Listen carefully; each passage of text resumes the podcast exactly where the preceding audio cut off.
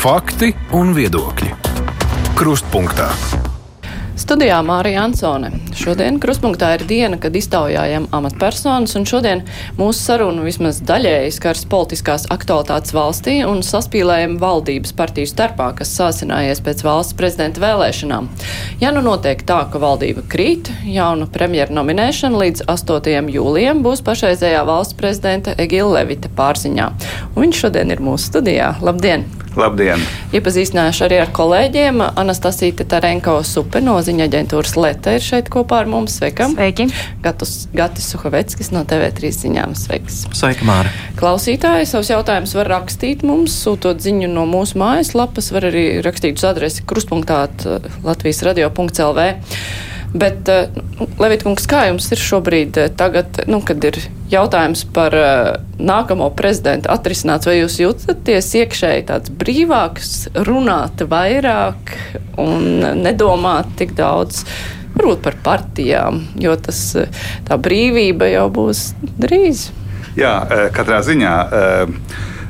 Ja amats uzliek arī pienākumu, un eh, pienākumu arī izsvērt, eh, labāk izsvērt savu sakāmo, savus vārdus. Eh, bet nu, es līdz 8. jūlijam joprojām esmu amatā. Un attiecībā uz jūs, jūsu minētajām domstarpībām koalīcijā, es gribētu teikt, ka valsts prezidenta vēlēšanu gaita pirms un pēc ir pamatīgi sašūpojusi eh, pašreizējo koalīciju, kas izveidojās pagājušā gada eh, novembrī. Un eh, mēs nezinām, vai tā pārdzīvos. Taču es personīgi ceru, ka koalīcija atkal nostabilizēsies, jo man liekas, ka šī trīnieka koalīcija nu, nav teiksim, tā ideālā koalīcija, kādu es labprāt vēlētos Latvijai bet tā ir tā reālākā, iespējamā eh, un reālākā, eh, reāli labākā. Eh, ja mēs apskatām visas pārējās alternatīvas, tad nu, man šķiet, ka vajadzētu mēģināt visām trim frakcijām tomēr sasēsties kopā un pamatīgi izrunāt lietas, kas ir bijušas un kas vēl būtu jādara, un mēģināt turpināt šo koalīciju. Bet eh, nu, arī šīs prezidenta vēlēšanas un tā ņemšanās partiju starpā parādīja, ka tagad eh, neko nevar uzskatīt par neiespējamu, jo, ja pirms vēlēšanām teica, ka nē, nekādas tur sarunas nav plānotas un ka tās visas ir iedomas uzreiz pēc prezidenta vēlēšanām, jā, mēs runājam par koalīcijas paplašināšanu, ja pirms tam ZZS valdībā, nu kā, nekā. Pēc vēlēšanām mēs jau sēžamies pie sarunu galda. Vai redzot to, ka var viss notikt, jūs pieļaujat, ka jums var nākties nominēt nākamo premjeru, ja pēkšņi valdība krita? E, tas būtu atkarīgs no, e, nu, no attiecīgās situācijas. E, teorētiski tas iespējams tikai tad, ja Saima izsaka neusticību pašreizējai valdībai līdz 8. jūlijam, vai arī ministru prezidents pats atkāpjas. Tad valdība ir kritusi, un tad ir, tad ir valsts prezidenta uzdevums nominēt jaunu Eh, ministru eh, prezidenta kandidātu. Eh, es to darītu nelabprāt, tādā, it sevišķi tādā situācijā, ja būtu tāda koalīcija, kas nu, neatbilst maniem politiskiem principiem. Tāpēc tādā gadījumā būtu noteikti Nu, ja tas būtu iespējams, būtu e, jānogaida līdz 8. jūlijam, un lai šo darbiņu dara jau nākamais e, valsts prezidents. Bet es domāju, ka tik tālu līdz 8. jūlijam noteikti nenonāks. E, tagad, kā jau ministra prezidents vakar preses konferencē pēc sarunas man teica, šodien notiks konsultācijas ar progresīvajiem un rīt ar Zaļo zemnieku savienību. Un, tad, eh, un tas ir tas svarīgākais. Eh, jaunadēļ eh, vēlreiz runās pašreizējās koalīcijas dalībnieki. Jo tad būs skaidra pozīcija no abām, iespē, abiem iespējamiem koalīcijas partneriem, gan no progresīviem, gan no zaļiem zemniekiem. Es tādā ziņā piekrītu ministru prezidentam, kurš saka, ka um, šajā pusgadā kopš valdības sastādīšanas pēc vēlēšanām nu, ir redzama zināma bremzēšanās nu, visās politikās, kas ir jāizdara. Un, ministrs prezidents vai vienotība sevišķi vēlas lielāku dinamiku. Ir vairāki punkti, kuru, kurus vajadzētu īstenot. Manuprāt, vismaz daļa no tiem ir iespējama pašreizējā koalīcijā. Un, vai cita koalīcija būtu labāka, tur man jāsaka, es, stipri, es personīgi stipri šaubos. Kalaini? Bet es gribētu uzsvērt, ka noteikti ir izredzes un gan šīs sarunas šonadēļ, tātad šodien un rīt ar pašreizējām opozīcijas frakcijām, un jaunadēļ ar, nu, tas ir galvenās, ar, kad visi trijotā vai arī viens pret vienu ministrs prezidents ar abiem partneriem pārunās situāciju, nonāks tomēr pie viedokļa, ka, nu, labi nav, bet, manuprāt, es tā teiktu, ka alternatīva būtu dēļ, es neteiktu sliktāka, bet nu, nebūtu tik laba kā turpinājums. Ja mēs runājam par alternatīvām, tad nu, ir vairāki varianti. Vai nu paplašinās esošā koalīcija un atkal atveras uh, diskusija par cik uh, kaldam vajag uh, kāju, vai arī tā ir pilnīgi jauna koalīcija, kur saglabājas tikai esošais uh, viens tikai spēks un atnāk progresīvā un zaļo zemnieku savienība. Jūsuprāt, jūs teicāt arī tikko, ka uh, izmaiņas neatbilst jūsu ideoloģiskajām pārliecībai, vēlmēm. Jūs tad. Nevis ideoloģiskā, bet teiksim, politiski iespējamam, kas, manuprāt, būtu vislabākais. Un es teiktu, ka vislabākais būtu tiešām paturēt pašreizējo dažādu iemeslu dēļ. Uh, jo ir arī teiksim, tās alternatīvas, ir dažādas, kā jūs pati teicāt. Nu, pat ir vienkārši no trim frakcijām palielināt uz piecām frakcijām, vai tad varēs ātrāk tikt pie rezultātiem, ja būs pieci partneri. Nu, tur es diezgan stipri šaubos.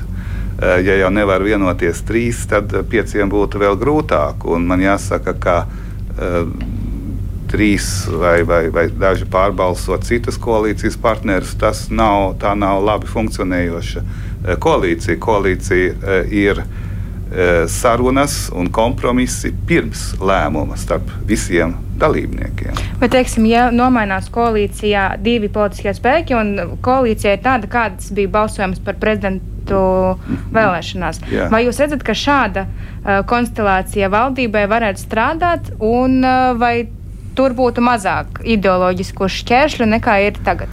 Jūs domājat, ka apvienotais saraksts un uh, Nacionāla apvienība iziet ārā no Jā. koalīcijas, pāriet opozīcijā un viņu vietā uh, nāktu Zaļo zemnieku savienība un, un progresīvie.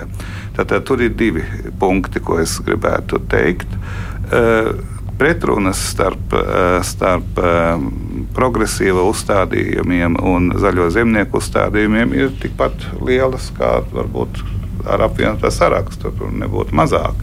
Bet eh, es teiktu, tas ir, nu, jā, kā sakot, visi partneri atsakās no savām, tagad es saku, pēdiņās radikālākām pozīcijām tad uh, ir iespējams droši vien arī panākt teiksim, kompromisus. Uh, bet tas otrais punkts, manuprāt, arī jāņem vērā, ka, ka Zaļo zemnieku savienība vai nu to vēlas vai nē, un neatkarīgi no tā, ko saka. Uh, līderi visi redz apkārt, ka tur tomēr ir uh, zināmas oligarhiskas ietekmes. Un eh, tas eh, var radīt pat, ja to, kas sakot, visi verbāli vārdos nodistancējas. Tā mums eh, arī um, reputācijas problēmas, reputācijas problēmas ar mūsu sabiedrotajiem. Mūsu ārpolitikā viens no galvenajiem teiksim, mērķiem ir pastiprināt sankcijas pret Krieviju. Sankcijas. Un, teiksim, ja valdībā tiek viens, uzņemts viens partners, kur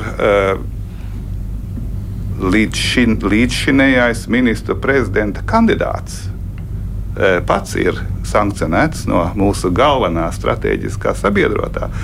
Es redzu, ka mūsu galvenais strateģiskais sabiedrotais nu, jautātu, kas, ko tas īsti nozīmē. Tā kā tur es, tur es redzu galveno problēmu šādā koalīcijā. Tas ir arī iemesls, kā es, nu, kā valsts prezidents, nu, viena no manām vai galvenā prioritāte ir drošības, drošības politika un ārpolitika. Un tādēļ es arī, lai tieši tāda situācija nerastos, es arī um, atsaukt savu kandidatūru, eh, kad būtu iespējams tomēr eh, vienoties par kopēju kandidātu. Um, bet uh, nu es redzu, ka tie principi ir kļuvuši bālāki, kādi līdz šim ir bijuši. Nu, un, uh, kas saka, redzēsim rezultātus. Es saku, uh, situācija ir atvērta. Eh, es domāju, ka tagad tiešām šodien un rīt būs nopietnas sarunas ar iespējamiem koalīcijas partneriem. Tad, tad ministrs prezidents runās ar progresīviem, Zaļo zemnieku savienību. Un beigās tātad jaunadēļ runās ar abiem pašreizējiem partneriem - Nacionālo apvienību un, un eh, Zaļo zemnieku savienību. Jo tas ir skaidrs, tas jāredz visiem trim pašreizējiem koalīcijas partneriem, ka valdība kavē laiku Uh, un tādēļ, ka nav uh, panākta vienošanās par uh, svarīgām reformām. Un tur es pilnīgi saprotu ministru prezidentu, kurš saka, ka mēs jau esam pusgadu nostrādājuši, bet tādi īsti taustām rezultāti ir nu, samērā grūti konstatēt. Mums ir jāpāriet no statiskas pozīcijas uz dinamisku pozīciju. Nu, tur es domāju, tas viņam ir taisnība. Bet tas atkarīgs būs arī no abiem pārējiem vai teiksim, no visiem trim pašreizējiem koalīcijas partneriem. Bet es pareizi sapratu, ka tādu valdību, kurā ir ZZS, tādu premjeru jūs nenominētu. Es nerunāju par ZZS premjeru, bet uh, premjeru, kurš aicina valdībā ZZS, jūs nenominētu. Un, ja te ir runa arī šobrīd par 8. jūliju, ja, nu, ka jūs vienkārši vilktu laiku, lai jums tas nav jādara. Es domāju, uh, uh, valsts prezidentam nav noteikts termiņš, kurā viņam jānominē, jānominē ministra prezidenta kandidāts. Un es arī rūpīgi veicu konsultācijas arī līdz šim. Daži man teica, ka tas bija diezgan ilgi, lai panāktu šo koalīciju, kas rudenī pēc vēlēšanām. Un, uh, tur uh, man noteikti nebūs tāda īpaša steiga, ja, ja redzams būtu šāda situācija. Un es domāju, ja nu tiešām šis vairākums rodas, nu, tas ir arī parlamentārs un demokrātisks vairākums, šis, šī jaunā. Iespējamā, saku, uzsveru, iespējamā koalīcija, bet uh, nu, tad es labprāt šo uzdevumu atstātu nākamajam valsts prezidentam, ne ar manām rokām. Paturpinot par Zaļo un Zemnieku savienību, jums vakar bija samērā gara saruna Rīgas pilī ar Krišjāni Kariņu, premjeru. Vai jūs saprotat, kas ir mainījies? Jaunā vienotība iepriekš izslēdz sadarbības iespējas ar ZZS Aivara Lemberga dēļ, bet tagad tomēr ir gatava aicināt valdībā, to pamatojot ar valsts interesēm un uzsverot, ka tas nenozīmē tiešu sadarbību ar Lembergu. Eh, jā, protams, ir šī distancēšanās no, no jaunās vienotības eh, attiecībā uz, uz eh, šo personu. Bet man jāsaka, nu, bumba ir zaļo zemnieku laukumā. Principā zaļo, zaļo zemnieku savienība ir, es teiktu, normāla konservatīva partija, mēreni konservatīva partija. Eh, un savā uzstādījumā apvienotais saraksts nav daudz savādāks. Eh, šī ir specifiska problēma, kas ir jau diezgan ilgstoša šai partijai. Un kamēr šī partija eh, joprojām teiksim, tā, neradīs pilnīgi pārliecinošu iespēju, iespaidu, ka līdz šim, pirms pusgada, izvirzītais ministru prezidenta kandidāts kaut kādā veidā joprojām ir saistīts ar šo partiju. Un kamēr šis eh, ies, iespējas nebūs kliedēts gan mums iekšpolitiski, mūsu sabiedrībai, Latvijas sabiedrībai, gan arī ārpolitiski mūsu sabiedrotajiem, es teiktu, tā ir viena problēma. Un šo problēmu varētu atrisināt pati Zaļo zemnieku savienība. Jums ir iebildumi pret ZZS atgriešanos pie varas. Tikai tādā bet... konstelācijā. Citādi man nav nekāda iebilduma. Tā mm. ir mhm. solīda, es teiktu, tradicionāla, mēreni konservatīva, demokrātiska partija. Mm. Izņemot ar šis viens punkts. Tas Bet... ir tas, kas traucē. Bet kā ar progresīvajiem savulaik, kad veidoja šo valdību, jūs teicāt, ka koalīcija tikpat labi iespējama ar četriem partneriem, ka piedalītos arī progresīvie, kā to vēlējās jaunā vienotība, vai tagad jūs redzat kādus šķēršļus, kā progresīvie nonāk pie varas? No demokrātiskā spektra viedokļa, nē, tā ir, kas sakot, viņiem nav tāda problēma, kāda ir Zemnieku savienībai. Tā ir ar savu ideoloģisku nostāju, kuru atbalsta nu, zināma daļa Latvijas sabiedrības, teiksim, bet nu, lielākā daļa tos uzstādījumus, kas varbūt ir tādi pazīstamākie, nu, neatbalsta. Nu, viņi var būt, protams, var būt koalīcijā. Es tur neredzu īpašu problēmu. Tas ir jautājums, cik tālu no no viņu ideoloģiskiem uzstādījumiem viņi prasīs, lai to jaunā koalīcija īstenot, no, teiksim, jaunā, tāda koalīcija, kurā viņi piedalītos, lai tā īstenotu. Es domāju, ar, ar, nedz ar Nacionālo apvienību, nedz ar apvienotā sarakstu, nedz ar Zemnieku savienību iespējams. Daļai varbūt arī ar vienotību būs grūti tādus e, ļoti radikālus ideoloģiskus uzstādījumus īstenot. Bet uh, man jāsaka, kā valsts prezidents, uh, mans uzdevums nav tagad, kā sakot, ļoti nostāties vienas vai otras partijas pusē. Vai, vai teiksim, dot kādu priekšroku. Mans uzdevums ir skatīties, lai demokrātiskais spektrs tiktu ievērots, kad nebūtu tādas partijas, nu vismaz tas ir mans politiskais uzstādījums, mans principiālais uzstādījums, ka nebūtu koalīcijā tādas partijas, nu, eh, kuras uh, ir eh, nu, ne, nu, teiksim, šādā gadījumā oligarhiskas vai arī nu, kremliskas. Tāpēc nu, tas ir, kas sakot, mans kā valsts prezidenta princips. Bet nu, ir tagad sakot, mans mans termiņš arī beidzās tieši pēc mēneša, un tad jau redzēsim, kas notiks tālāk. Klausītāji jautā, vai jūs nejūtaties uzmests no jaunās vienotības puses, jo, ja varēja savākt balsis par Inkēviču, kas liedz vākt ar tādām pašām metodēm par jums?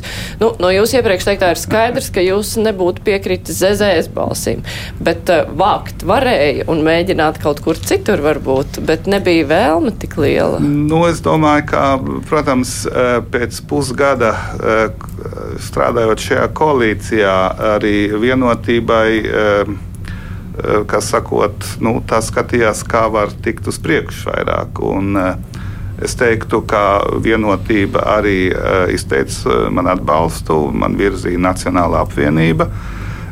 Bet nu, šajā gadījumā šis viss kas sakot, riņķedāncis iesākās ar to, kā apvienotās saraksts, nekonsultējoties ar saviem partneriem, ko koalīcijas partneriem, ko, kas eh, atbilstu parlamentārās koalīcijas loģikai, eh, mēģināja dabūt cauri savu kandidātu. Nu, man jāsaka, es jau iepriekš teicu, nu, tā tas neiet. Ir zināma parlamentārā loģika.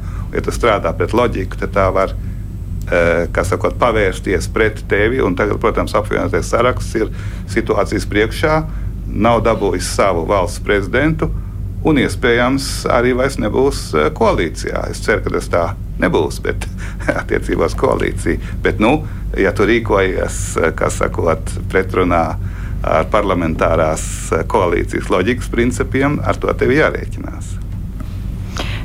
Vai jums ir saprotams, un kā jūs vērtējat to, ka, teiksim, pirms um, valsts prezidenta vēlēšanām, tostarp ministru prezidents norādīja, ka nē, ko valdība ir stabila, mēs strādāsim tādā formātā, kādā strādājam, viss ir miera, viss ir miera ostā. Un tikko ievēlēja valsts prezidentu, uzreiz sākās sarunas eh, par to, ka mēs tagad uh, konsultēsimies par iespējamām paplašināšanas iespējām. Kas ir noticis tajās, nu, faktiski necik ilgā laikā uh, no vienas retorikas uz otru retoriku? Es domāju, pēc, eh, nu, šiem, pie šie, pēc šī pusgada uh, ministrs prezidents ir nu, nonācis pie secinājuma, ka nu, varbūt uh, daudz no tā, kas bija iecerēts un kas bija iespējams decembrī, kad sastādīja šo valdību nu, nav izdarīts un jāmēģina tikt uz priekšu. Es, es jau atkārtošu to. Es viņu šajā ziņā saprotu, jo tā dinamika tur bija nu, pazudusi līdz šinējā, vai nu pazudusi, vai bija sakot, ļoti lēni izpaudās e, pašreizējā koalīcijā. Bet tas ir nevis to dalībnieku dēļ, ka šī, šie dalībnieki ir tādi, bet tādēļ, ka uh, konkrētas, padziļinātas diskusijas par, uh, par atsevišķām reformām, par nepieciešamo darāmo, nu, nav notikušas. Man jāsaka, kooperācija, sadarbība starp šiem koalīcijas partneriem nu, nav bijusi pietiekoša. To redz, protams, arī pats ministru prezidents, bet to redz jebkurš kas apskatās un e, spēj e, kaut cik objektīvi novērtēt e, valdības darbu. Un es saprotu arī, ka ministra prezidents domā, nu tālāk tas tā nevar iet. Paskatīsimies, kādas ir alternatīvas. Bet varbūt tas, ka ministra prezidents saka, paskatīsimies, kādas ir alternatīvas, tas varētu dot zināmu grūdienu arī nu, tomēr eh, teikt visiem trim pašreizējās koalīcijas partneriem, nu, eh, pārdomāsim, kā mēs eh, varbūt tomēr mēs varam sadzīvot kopā šajā koalīcijā arī nu, ilgāk, nu, līdz, līdz nākamajām vēlēšanām un ķersimies klāt pie nepieciešamiem darbiem. Iespējams, ka šī, nu, es teiktu tā, šī iespēja pavēršana, ko ministrs prezidents izdarījis, varētu arī nu, beigās, teiksim, tāda zināmā šoka terapija pašreizējai koalīcijai būt. Bet, Bet no tādas form, formas viedokļa, vai ne, jūsuprāt, nebūtu bijis godīgāk un pareizāk jau pašā sākumā pateikt, ka, lūk, uh, mēs apdomājam iespējas, jo mēs neesam apmierināti teiksim, no Kariņa vadītās partijas puses ar to, kā šobrīd notiek lietas. Vai tas, jūsuprāt, nebūtu taisnīgāk, godīgāk un caurspīdīgāk? Es domāju, ka ministrs prezidents jau beidzamā laikā, arī pirms valsts prezidenta vēlēšanām, ir sakot, raidījis tādus signālus, nu, ka mums tur īsti tur tik labi nesadā, nesanāk un tā. Nu, un eh, redzot, eh, kā notika valsts prezidenta vēlēšanas, eh, tas parādījās, ka oh, tas varbūt funkcionē. Teiksim, šī, šī iespēja kļuva reāla. Bet man jāsaka, es vēlreiz norādīšu savu viedokli. Manuprāt, teiksim, tā no reformu viedokļa tas principā nav būtu iespējams. Es redzu, redzu tur problēmu ar mūsu ārpolitisko reputāciju un arī to, ka mēs e, tomēr ejam uz e, augstāku, uz rietumnieciskāku politisku kultūru, ka mums vairs nav vajadzīgi postpadomju oligārhi, kā tas ir pārējās vai teiksim, daudzās citās postpadomu valstīs. Tas arī mūsu iekšējā eh, attīrīšanās ir notikusi. Es saku, tas ir beidzamā laikā, tas ir eh, pirms tam tas varbūt tā nebija. Bet es negribētu, tas ir atkal mans personīgais principiālais uzstādījums, ka mēs atkrītam atpakaļ tādā situācijā, kā tas bija, bija varbūt pirms desmit gadiem. Vai, Ko jūs domājat par Nacionālās apvienības un apvienotā saraksta pozīciju, ka centieni paplašināt koalīciju nav saistīti ar mēģinājumu uzlabot valdības darbu, bet tā vienkārši ir norēķināšanās par ZZS un progresīvo balsīm, lai amatā tiktu ievēlēts Edgars Rinkēvičs, jo nu, šo divu opozīcijas partiju balsis bija izšķirošas. Bez to atbalsta Edgars Rinkēvičs nekļūtu par nākamo valsts prezidentu. Mm. Nu, tas faktiski uh, ir tas pats, ko vēlējās apvienotais saraksts ar opozīcijas balsīm dabūt savu kandidātu. Es teiktu, tā vienkārši pārrēķinājās. Un ar opozīcijas balsīm e, tika ievēlēts e, vienotības e, kandidāts, kurš ir labs kandidāts. Eh, es esmu četrus gadus ļoti labi, teiktu, perfekti sadarbojies ar ārlietu ministru. Valsts prezidentam un ārlietu ministram ir jābūt uz, uz eh, vienas līnijas vienmēr. Es zinu, ka uh, virknē valstīs, kur tas tā nav un tas traucē valsts ārpolitikai, mums tas bija līdz šim. Kā sakot, perfekta sadarbība starp mani un ārlietu ministru. Un es domāju, ka tas būs arī tur, turpmāk. Tā kā, uh, Bet nu, man jāsaka, ka šīs spēlītes nu, nevajadzēja iesākt, jo tas ir pilnīgi skaidrs pretrunā ar parlamentāro loģiku, kurš, kā sakot, pirmais iesāka, paslīdēja un, kā sakot, nonāca sliktākā situācijā nekā gribēja panākt. Bet labi, tas ir tas, kas ir bijis. Ja mēs runājam par pa nākotni, tad man jāsaka, ir palikuši trīs ap pus gadu līdz nākamajām saimnes vēlēšanām. Tas ir diezgan daudz. Valdības programma, kas decembrī tika akceptēta un no visiem partneriem, ir pietiekoši laba. Eh, un, eh, ja teiksim, visi Eh, kas sakot, saka tā, nu, kas bijis, bijis. Eh, mēģināsim sadarboties, lai mēs tiktu uh, ātrāk uz priekšu. Es teiktu, tas būtu tas labākais. Jo es jau esmu pastāvīgi norādījis, jau, jau kādus trīs gadus uh, saimnes runās, mēs slīdam atpakaļ. Un, uh, tas ir aplēkā sadzirdēts. Arī tagad redz arī koalīcija un, un arī sabiedrība redz. Un tur tiešām mēs nevaram ar līdzšinējo tempu, kāds ir bijis beidzamos sešos mēnešos, um, panākt to, lai mēs vismaz būtu pa nulītēm. Mēs slīdam atpakaļ, tāpēc ka mēs kustamies uz priekšu lēnāk kā citi. Un, nu, šeit ir tiešām nopietnas izrāviens nepieciešams.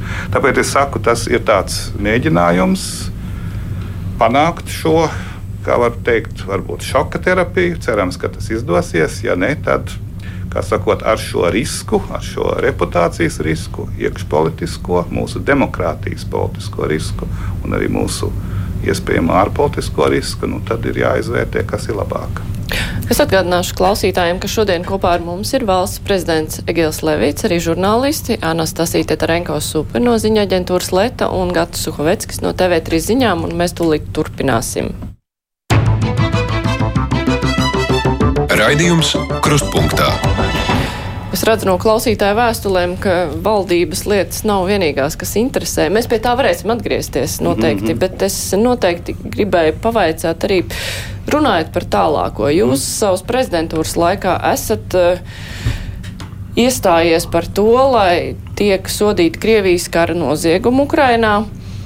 Kā jūs redzat uh, savu iespējamo ieguldījumu? Nu, mēģinot, es nezinu, kādā statusā, bet turēt roku uz pulsa, lai šie startautiski šie procesi virzītos uz priekšu, jo nu, ir nepieciešami politiķi, kuri to virza, jo skaidrs, ka notiek ir tribunāls un tās lietas tiek izmeklētas, bet ir svarīgi, lai cilvēki, lai ir cilvēki, kuri aktīvi par to iestājas. Vai jūs redzat savu vietu šajā procesā? Um, jā, es, eh, nu, eh, ņemot vērā, ka man ir gan šī politiskā pieredze, un nav daudzi, kas ir bijuši valsts prezidenti, kas ir vienlaicīgi, kuriem ir zināma autoritāte arī kā kā starptautiskiem juristiem. Manī kaut kādā veidā eh, apvienojās šīs divas. Eh, šīs divas līnijas. Tādēļ, jā, man par to ir jautāts. Es, kā sakot, pat labi neko konkrētāk neteikšu, vai man to nevaru. Bet man jāsaka, es noteikti gan starptautiskajā līmenī turpināšu darboties, gan arī, teiksim, juridiskajā, eh, juridiskajā laukā tūlīt pēc eh, valsts prezidenta pilnvaru beigām. Es jau esmu eh, ielūgts Pasaules juristu asociācijas kongresā Ņujorkā teikt runu par starptautiskās drošības un, un tiesību jautājumiem, un man ir vesela virkne citas jau, kas sakot, kalendārs pildās. Tā kā es savas, nu, teiksim tā, ja būs vajadzība, es to darīšu arī turpmāk. Man jāsaka, es vienmēr esmu kalpojis Latvijai, arī šajos četrus gadus, un arī turpināšu tālāk. Nav jābūt valsts prezidentam, lai to darītu. Nu, man ir zināmi principi, zināmas teiksim, tādas E, profesionālas prasmes, un, e, ja tas ir vajadzīgs, es to labprāt darīšu. Jā. Man klausītājiem ir jautājums arī saistībā ar Ukrainu. Kādēļ jūsuprāt par kara noziedzniekiem vēl nav pasludināti tādi Kremļa algotņi kā Lauravs, Prigožiņš, Šoigu, Rogozins, Girkins, Solojovs, Simonjana? Jā. Uh, šeit man jāsaka tā, ka um, sabiedrībai ir teiksim, dabiskā taisnīguma izjūta. Un, eh, un šie cilvēki, ko, kas nu pat tika nosaukt, un arī pārējie, un daudz citi vēl, eh, tie, protams, ir pelnījuši eh, ka viņi tiktu teiksim, tiesāti, un tā tiesa jau redzētu un konstatētu viņu vainu. Bet starptautiskās tiesības nav perfektas. Es gribu to uzsvērt. Ja mums valstī kaut kas nefunkcionē, mēs varam runāt kaut vai par jēkapils gadījumu, vai ne? Tādā gadījumā tiesībām ir jābūt perfektām, un mēs varam, sakot, tur kaut ko darīt un, un izmainīt likumu vai, vai, vai sakot, kaut ko citu darīt, pasākums, lai to šo jautājumu atrisinātu. Starptautiskās tiesības darbojās pēc nedaudz citādākiem principiem. Tās nav pilnīgas, un tur ir arī baltie plankumi. Un uh, viens no šiem baltiem plankumiem tieši šeit ir. Uh, ir tā, ka uh, agresijas noziegums ir definēts starptautiskajās tiesībās. Tas ir 74. gada apvienotā nācija ģenerālās asamblejas rezolūcijā, bez tam arī starptautiskās krimināla tiesas statūtos, 8. apants, ja kāds interesējas. Bet neviena tiesa, starptautiska tiesa, nav kompetenta šo, tieši šo gadījumu izskatīt. Uh, ir cits, uh, citi jautājumi. Es tagad ne, nesāku skaidrot, kāpēc. Tāpēc, bet principā ir tā, ka šeit ir baltais plankums. Nozieguma sastāvs ir definēts, bet nav tiesas, kura būtu kompetenta to darīt. Un tādēļ mans priekšlikums, un es biju es domāju, pirmais valsts galva, kurš lika priekšā šo, šo starptautisko tiesību balto plankumu, nu, aizpildīt ar ad hoc tribunālu, kas skatītu tieši šo jautājumu - Krievijas agresiju pret Ukrajinu. Uh, ir bijuši tādi precedenti, ka tur, kur ir šie baltie plankumi, tiek izveidoti ad hoc tribunāli. Tas ir speciālām gadījumam. Pirmais tāds tribunāls uh, bija Dienvidslāvijas tribunāls, kur izveidoja 93. gadā. Tad bija Ruandas tribunāls, tad bija uh, Li Liberijas, Sieraleones, Kambodžas un daži citi. Tā kā tādas precedenti ir. Bet pats pats pirmais precedents, starp citu, ir 1945. gadā četru valstu izveidotais Nīderlandes tribunāls. Tā kā, ja ir politiskā griba, un es gribu uzsvērt, politiskā griba, tad juridiski ir iespējams šādu tribunālu izveidot, kas tad skatītu šo noziegumu un tad arī varētu eh, pasludināt šīs cilvēku, eh, šīs, šos cilvēkus un citus cilvēkus par eh, par nu, vainīgiem šajos noziegumos. Bet tas nozīmē, ka līdz šim šīs politiskās gribas nav bijis? Tieši tā, tas ir jūs, un tas ir tāpēc, es domāju, te varbūt arī Latvijas un varbūt arī nu, man personīgā, teiksim, Eh, teiksim, iesaiste ir, kad ir jābūt kādam pietiekoši teiksim, eh, augstā vai atzītā līmenī, kurš visu laiku par to iestājās un runā. Un tā. Eh, lai šo politisko gribu veidotu. Man jāsaka, pat labāk tā ir zināmā veidā, bet vēl joprojām tālu no pietiekošās. Tādēļ ir starptautiskās tiesības attīstās lēni, gadiem ilgi gadiem ilgi. Eh, un, eh, jo tev jāpārliecina visa pasaule. Mēs šeit varbūt runājam eh, šeit rādio, un, un es domāju, ka lielākā daļa vai gandrīz visi latvieši ir pārliecināti, kas ir vajadzīgs. Bet vai ir pārliecināti etiopieši vai ir pārliecināti šrilankieši? Nu, es īsti nezinu. Tas nozīmē, ka mums ir jārunā ar viņiem, un tas ir arī šis uzdevums, kas ir nu, arī nu, mūsu uzdevums. Eh, Ukrainas, eh, nu, Ukrainas uzdevums, vai Ukraina to dara eh, ļoti aktīvi, starp citu, tieši runājot ar tā saucamām globālo dienvidu valstīm. Ukrainas, Ukrainas valdība ir nolēmusi tuvākā laikā atvērt desmit jaunas viesniecības Āfrikā, lai būtu tiešais kontakts ar Āfrikas valstīm. Jo ir vajadzīgs dabūt vairākumu, nevis tagad tikai vienā valstī, tev jādabūna pasaules vairākums. Tas ir liels, liels darbs.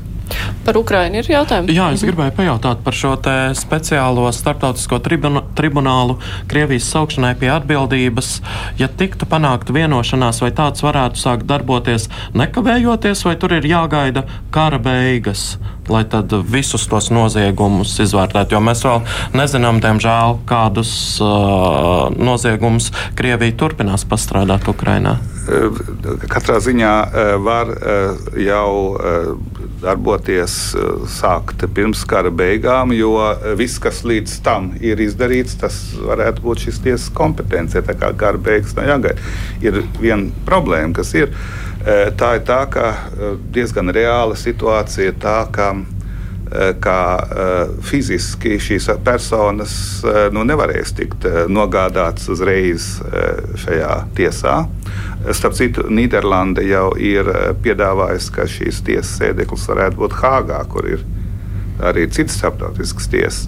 Bet, uh, tiesības pieļauj arī aizmigurisku tiesāšanu. Es gribu atgādināt, ka Serbijas prezidents uh, toreizējais attika gadus pēc tam, kad viņš notiesāts nonāca uh, uz aps, nu, teiksim, cietumā. Tāpat arī serbu līderis Karadžičs, laikam desmit gadus vēlāk, kad viņu atrada un tā tālāk. Tā kā man jāsaka, tas, ka tajā brīdī tas persona nav.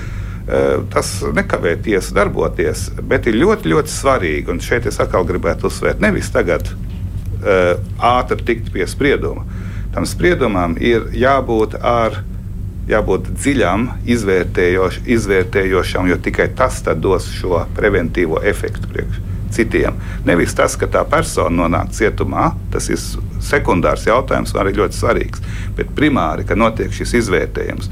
Nīderlandes tribunāla ārkārtīgi svarīgā loma bija Uh, ne tik daudz, ka tur šīs 16 vai 17 personas tika notiesātas tajā galveno kara noziedznieku uh, prāvā. Tur bija daudz citas prāvas pēc tam vēl.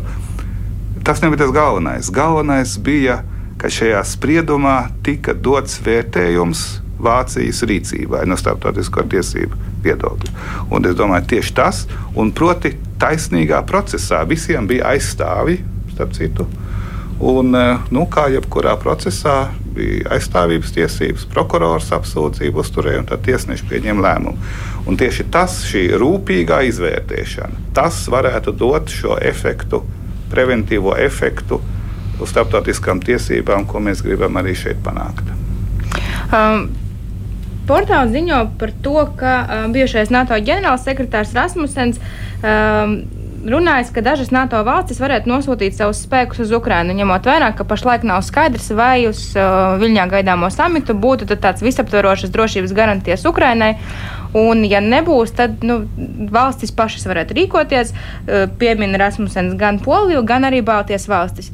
Vai jūsuprāt, uh, Latvijas karaspēka kontingenta sūtīšana uz Ukrajinu būtu apsverama un atbalstāma? Eh, pašreiz eh, tas nav dienas kārtībā. Dienas kārtībā uz viļņu ir eh, panākt divas lietas. Es tieši tagad, pirms divām dienām, biju NATO austrumu flanga valstu prezidentu samitā Bratislavā, kur mēs arī vienojamies par šo pozīciju.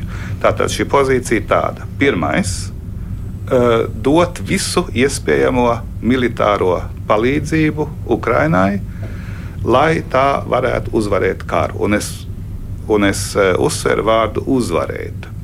Uh, pirms gada, varbūt pagājušā gada martā, aprīlī, rietumu sabiedrotie nelietoja vārdu uzvarēt. Lietoja vārdu apturēt Krievijas virzīšanos, tad vēlāk bija, kā Krievijā ka Krievija nedrīkst zaudēt, bet ko tas arī nozīmē, tad vēlāk bija runa par Putina sejas saglabāšanu. Tagad e, faktiski visas NATO valstis ir, kā sakot, savā uztverē gājuši tālāk, un kopš pagājušā gada beigām es teiktu, visi runā par to, ka Ukrainai jāuzvar. Lai tas notiktu, ir jādod visa iespējamā palīdzība. Un es teiktu, numur viens Viļņas sametā ir palielināt un koordinēt šo palīdzību. Eh, lai, eh, lai varētu uzvarēt eh, Ukraina. Numur divi ir tuvināt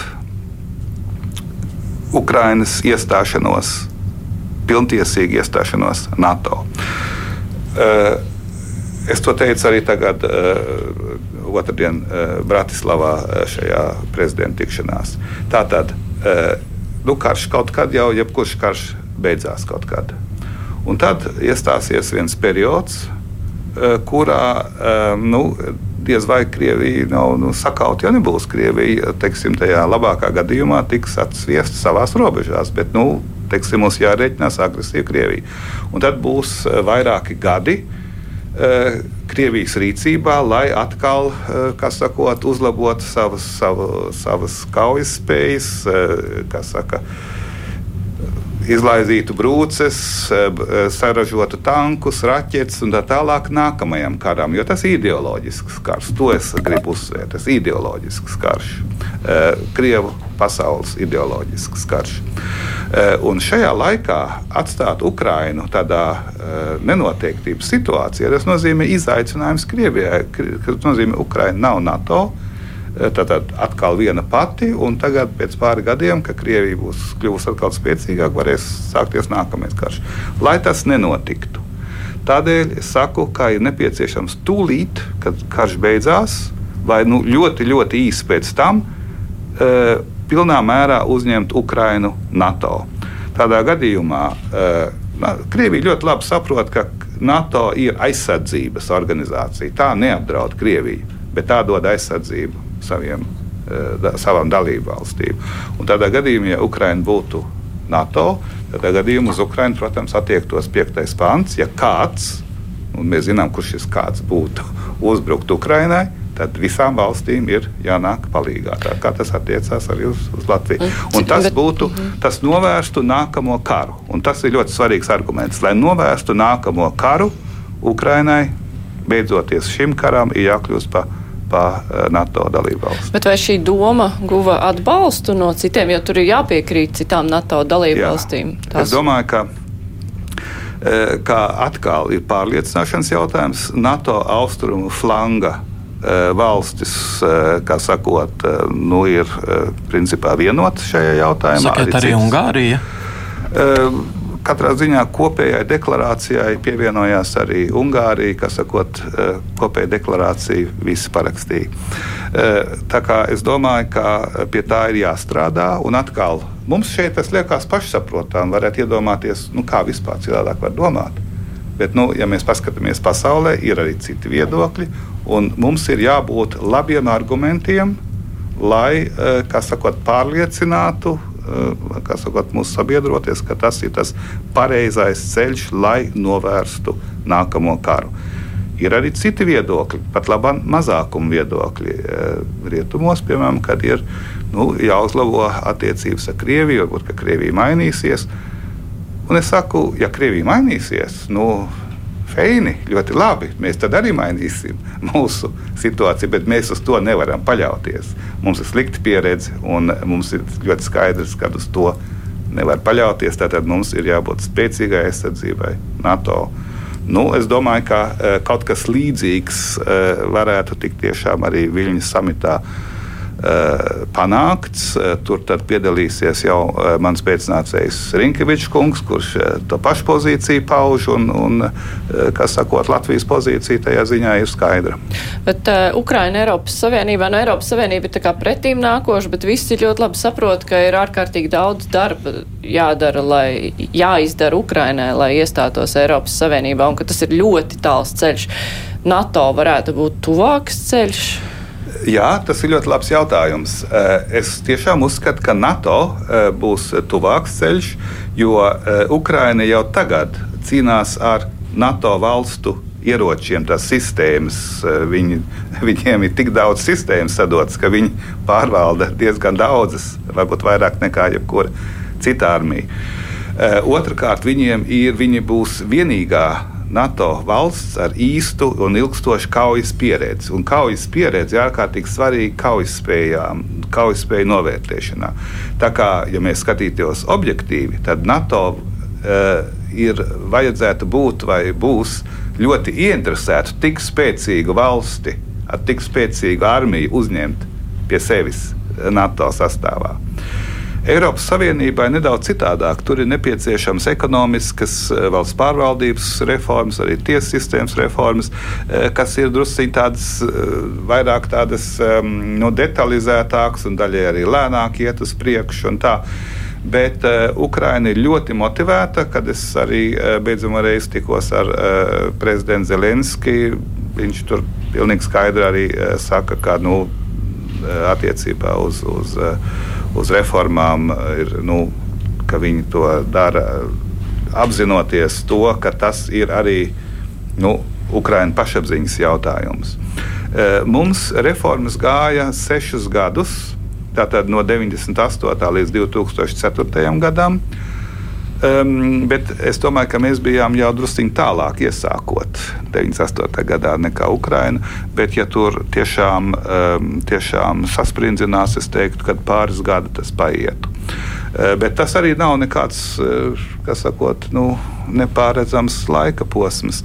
Un šeit atkal, es teiktu, ir Latvijai zināma loma. Mēs kā Eh, kā eh, valsts, kur ir labi adaptējusies Eiropas Savienībā, eh, un kurai tomēr ir arī šī transformācijas pieredze, šī, arī šī reforma pieredze, lai tiktu Eiropas Savienībai, mēs varētu dot tiešām labus labus padomus vai teiksim, palīdzēt pātrināt šo procesu. Es arī esmu runājis ar, ar valdības pārstāvjiem Ukrajinā par to, un viņi to ļoti labprāt darītu.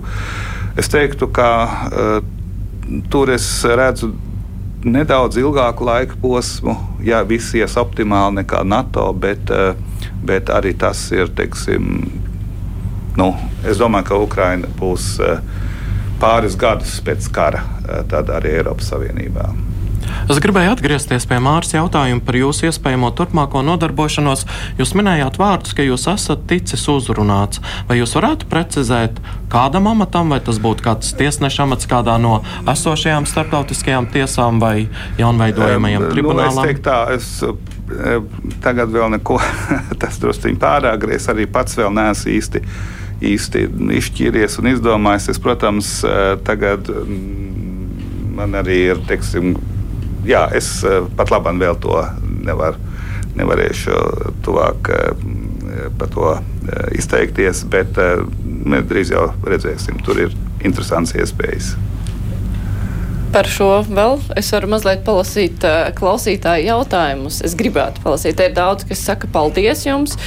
Un uh, viena klausītāja raksta, ka vienīgās kļūdas jūsu bija, ka jūs necentāties veidot šovu savā darbībā, neteicāt populistiskas runas. Ja Latvijā kāds vēlas labu reitingu, tad ir jātēlo, jāmelo, jāsola. Nu, tā pavērtējot uh, to kopīgo politisko fonu un atmosfēru. Uh, Nu, pēdējos gados tas e, populistiskais tonis ir kļuvis populārāks, vai ir radies tikai tāds iespējas varbūt? Um, Latvija nav izņēmums no visas pasaules. Un visā pasaulē, beidzamā dekādē, beidzamos piecos gados, populisms ir tikai pieņēmies spēkā. Un patiešām uh, arī vecajās demokrātijās mēs redzam, un e, ka tur e, šī populistiskās tendences apdraud šo demokrātiju. Tas e, Latvijā pat man jāsaka, mēs skatāmies šo partiju pārstāvību saimā pat nav nemaz tik uzkrītoši salīdzinot ar vienu otru veco demokrātisko valsti. Bet es, nu, tas vienkārši ir mans princips. Es nekad Eh, nemēģināju būt eh, populists un arī skaidri norobežojos no tādām frakcijām, vai partijām vai spēkiem, kuri eh, teiksim, tādā veidā destruktīvi, populistiski darbojās. Un, kā, protams, viena daļa sabiedrības nu, teiksim, uzķerās uz. Es teiktu, patiešām uzķerās. Tas nav tā, ka viņi būtu nu, kaut kas slikts vai, vai, vai kā, bet viņi uzķerās uz šīm uz šīm tendencēm, uz šīm tēzēm. Uh, un, uh, tas, protams, uh, manu reitingu neveicināja. Bet nu, tas bija mani principi, un es pie tā arī, arī palieku. Teiksim, tāpēc es domāju, ka. Kā, Jo man liekas, ka kā valsts prezidentam man ir jāskatās ilgs, valsts ilgspējības virzienā ja mēs nonākam pie populistiskas politikas, tas apdraud, Latvijas ilgspēju, apdraud Latvijas ilgstošu pastāvēšanu, vismaz tādā līmenī, kā tas ir pašlaik. Un beig beigās tas nāks visiem pa sliktu. Un tādēļ tieši šie jautājumi, kas ir valsts drošība, ilgspējīga, valsts ārpolitiskais vārds, un arī šeit es gribētu atzīmēt, par ko mēs runājam iepriekš, valsts, Latvijas valsts labais vārds labā reputācija pasaulē ir ļoti svarīga, lai mēs varētu sasniegt mūsu mērķus. Un vēl, kas sakot, mans, mans teiksim, arī nu, princips, es esmu par Latvijas Latviju, tur es vienmēr esmu iestājies, tas arī ne visiem patīk. Un tad, protams, valsts konkurētspēja, kas ir, manuprāt, ir izglītības, zinātnes, pētniecības uzdevums, lai visu šo Eh, lai mūsu cilvēki būtu prasmīgāki globālajā konkurencē. Visi saka, ka tas ir vajadzīgs, jā, jā, jā bet eh, kā ir, ir runa par konkrētiem ieguldījumiem, par konkrētiem pasākumiem, tad, protams, tas druskuļi piemirstās. Un es kā, teiksim, uzmācīgi esmu visu laiku uh, valdībai vai koalīcijai to atgādinājis. Ir arī rezultāts, ir dubultojies zinātnes budžets, piemēram. Es domāju, ja es to nebūtu visu laiku pastāvīgi sīcis aus, ausī e, e, valdībai, tas nebūtu bijis. E, tā kā es teiktu, ka tieši šis ilgspējības jautājums ir, ir vai ilgspējības principi, kurus es veicināju, tas ir tas, kas nu, raksturotu man šos četrus gadus. Un nekādā ziņā populisms, bet tas, kā man tagad, es tagad beigšu pēc šiem četriem gadiem, tas mani nemaz neapbiedina. Man ir, kā sakot, es esmu pateicīgs par to, kad es to, kad es to varēju darīt šajā pozīcijā. Bet es, protams, turpināšu jebkurā citādā veidā, jo tas ir katra pilsoņa pienākums. Mums viena minūte sarunai tikai palikusi. Mums valstī ir liela problēma ar sabiedrības uzticēšanos varai. Vai jūs, prāt, eh, nu, tā īsi vērtējot, jums izdevās to nu, pastiprināt šo uzticēšanos, vai tur neko nevarēja izdarīt? Es domāju, ka e, tur bija viens īpašs gadījums, tas ir Covid gadījums. E, tā bija pasaules krīze. Un, e, Visā pasaulē samazinājās uzticība valdībai sakarā, starp citu, arī ar šo e, populistisko vienkāršoto retoriku. Un uh, arī šajā gadījumā es pilnīgi skaidri, bez nekādas svārstīšanos, iestājos par cīņu pret covid, vakcinēšanos, arī nepieciešamiem ierobežojumiem. Diemžēl, atvainojiet, bet tie bija nepieciešami. Um, tas, protams, arī radīja pretestību, bet, uh, un arī zinām neusticēšanos valdībai. Bet uh, man jāsaka, ka uzticēšanās ir iekšējā nostā, iekšējās nostājas jautājums.